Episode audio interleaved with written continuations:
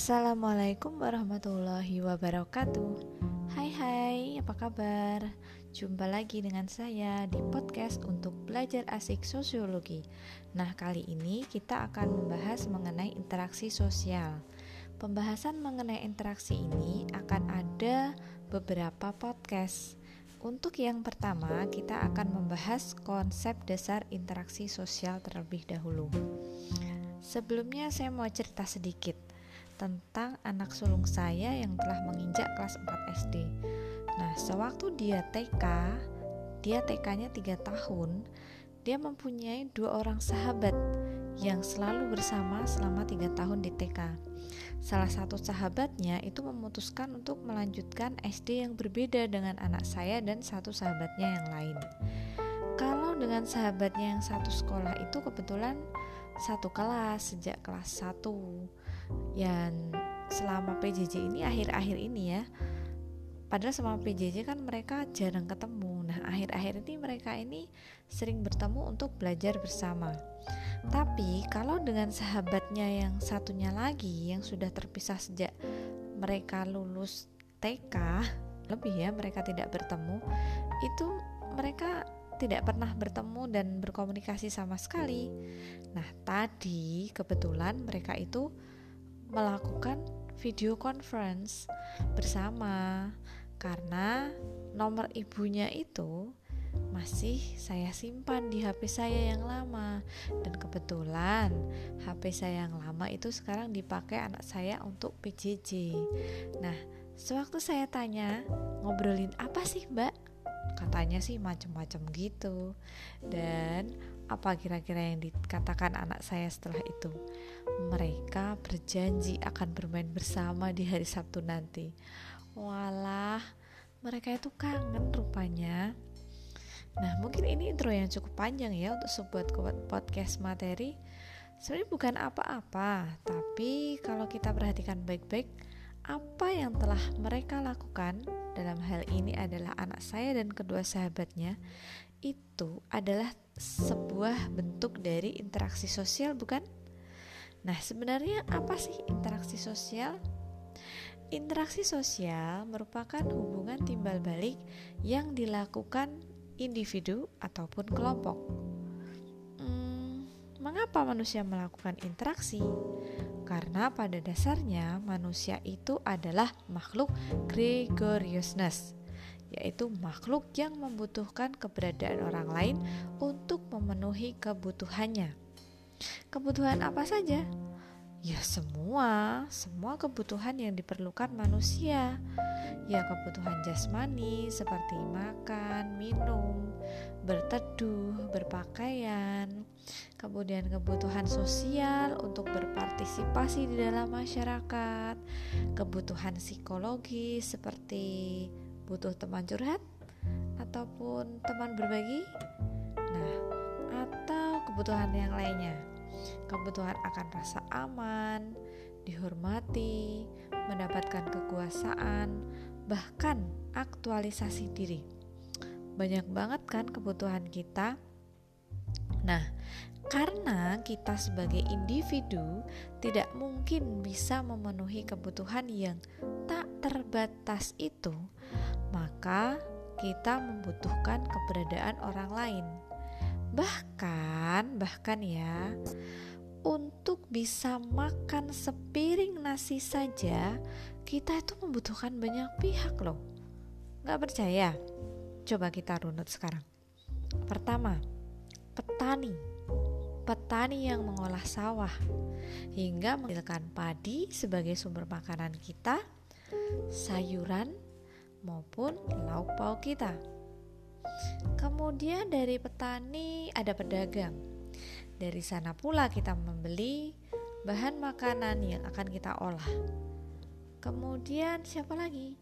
Orang tua kita yang bekerja sehingga memperoleh uang untuk beli bahan makanan di pedagang.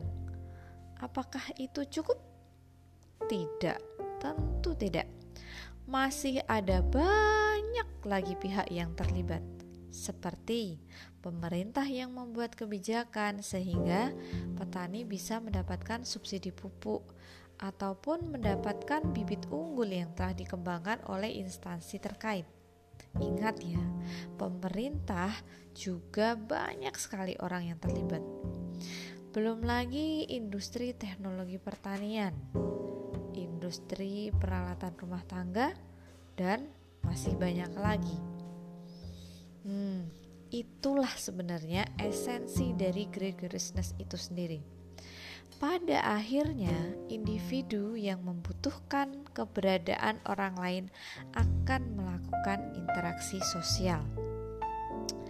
Kita tahu bahwa interaksi sosial itu adalah objek kajian dari sosiologi.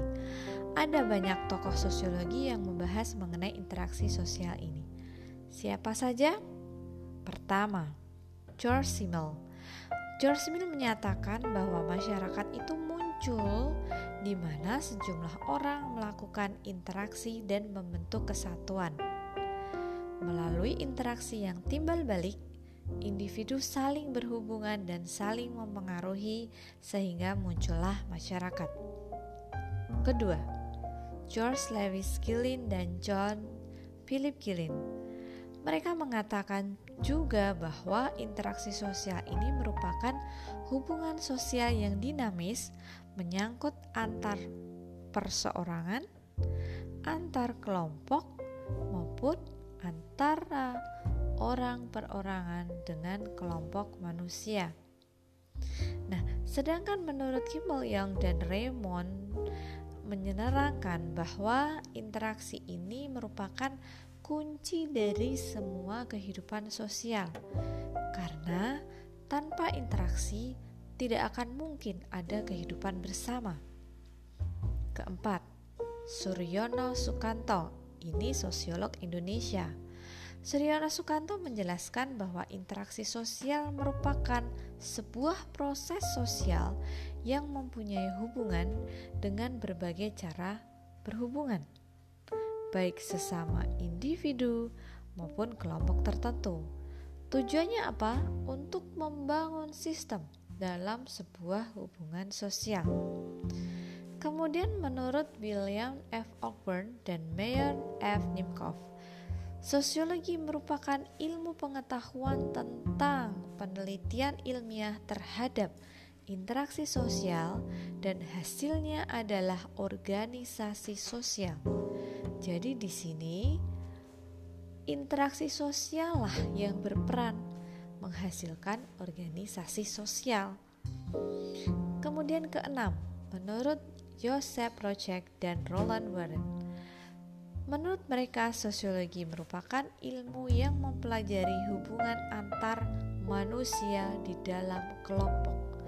Nah, dari sini kita tahu bahwa sebagai objek kajian sosiologi tentu pembicaraan kita itu sangat ilmiah sebenarnya, ya kan? Kita tidak bisa lepas dari kajian ilmiah. Apalagi tadi menurut banyak ahli, sosiologi sebagai bagian dari objek kajian tentu itu memerlukan langkah-langkah ilmiah. Kalau kita berbicara secara awam, akan timbul pertanyaan, Wong kita cuma ngobrol biasa aja kok dibahas secara ilmiah. Eits, jangan salah. Itulah nilai plusnya sosiologi. Kamu pakai kaos gambar tim favorit sepak bola aja itu bisa diterjemahkan secara ilmiah loh. Apalagi tentang interaksi yang lain.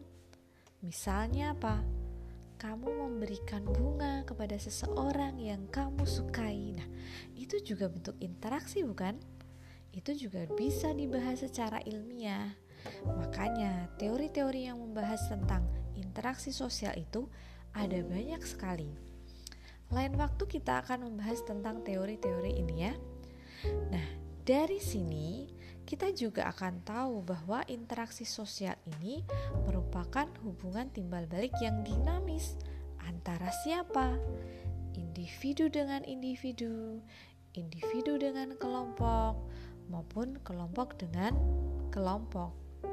Interaksi dapat juga terjadi di segala lini dan level masyarakat. dari kaum akar rumput alias rakyat jelata sampai kaum elit yang ada di singgasana kekuasaan. Baik yang dilakukan dengan tatap muka langsung maupun melalui media. Apalagi dalam kondisi pandemi saat ini, interaksi yang dilakukan melalui media itu sangat banyak sekali. Beruntunglah perkembangan teknologi komunikasi yang semakin canggih itu menjadikan kondisi pandemi tidak mengurangi niat kita untuk bisa tetap belajar, tetap bekerja, maupun bersilaturahmi dengan sanak keluarga ataupun dengan kolega kita masih tetap bisa berkomunikasi. Kita masih tetap bisa melakukan interaksi sosial meskipun terbatas. Adanya physical distancing. Kita memang harus mematuhi protokol kesehatan ya. Oke. Demikian penjelasan saya tentang konsep dasar dari interaksi sosial. Next episode kita bisa membahas tentang yang lainnya. Oke. Okay. See you next time. Wassalamualaikum warahmatullahi wabarakatuh.